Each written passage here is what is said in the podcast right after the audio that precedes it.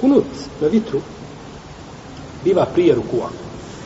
Kunut na vitru biva prije rukua. Znači, nakon završetka učenja Kur'ana i to je preče i bolje radi hadisa u Beje ibn Hljaba koga su spomenuli da je poslanik sa osanem učio kunut na vitru prije rukua.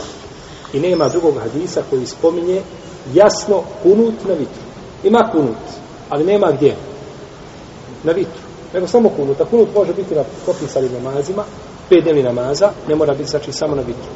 Pa imamo hadise koji su općeniti, hadise koji su posebni. Pa su posebni hadisi preči da se po njima radi nego po općenitima. A kada nema posebni, onda radimo, onda radimo po općenitim hadisima.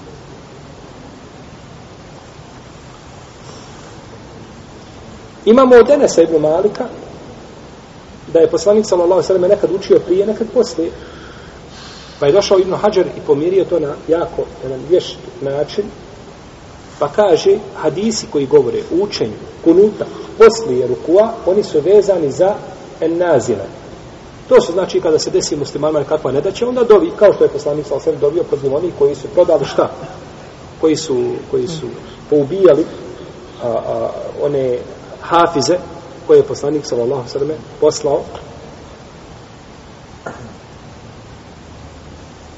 Pa je protiv njih dobio poslanik sallallahu sallam. Dok su hadisi koji govore o kunutu prije, prije rukua vezani za vitr. Pa se na takav način uskladila značenje ovih hadisa znači a, sa hadisom Ubeja ibn Kjaba. No, međutim, kaže nakon toga Ibn Hajar, i ovo spada među dozvoljena razilaženja. I zaista je tako. Jer veliki dio fakiha, i, ha, i šafijska, i hambelijska pravna škola kažu da se uči kunut šta? Prije. Dok kažu Hanefije, da se uči, oni kažu poslije. Šafije i hambelije kažu da se uči posle rukua. Hanefije kažu prije rukua. A šta kažu Malikije? Molim? No, se nikad. A nema. A nema. Ste zaboravili. Nema kod Malikija čega. Kunut. Po jednom, ima kod imama Malika u Ramazanu. Na drugi rivajet kod imama Malika nema u Ramazanu kunut.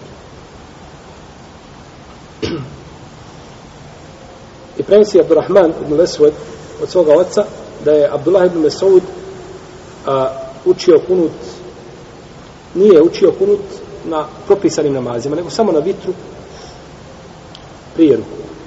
Iz ovog predaju kaže šeha Albani da je dosta. Od ovog predaju da je to bio poslani a, Ibn Mesud i drugi poslanikovi sallallahu sallam ashab. Pa je tako učenje, znači kunuta na vitru prije rukua bolje. Bliže argumentima. Ali ko uči posle rukua nećemo kazati da je šta? Pogriješio. Jer su to razilaženja koje je poznato fiku.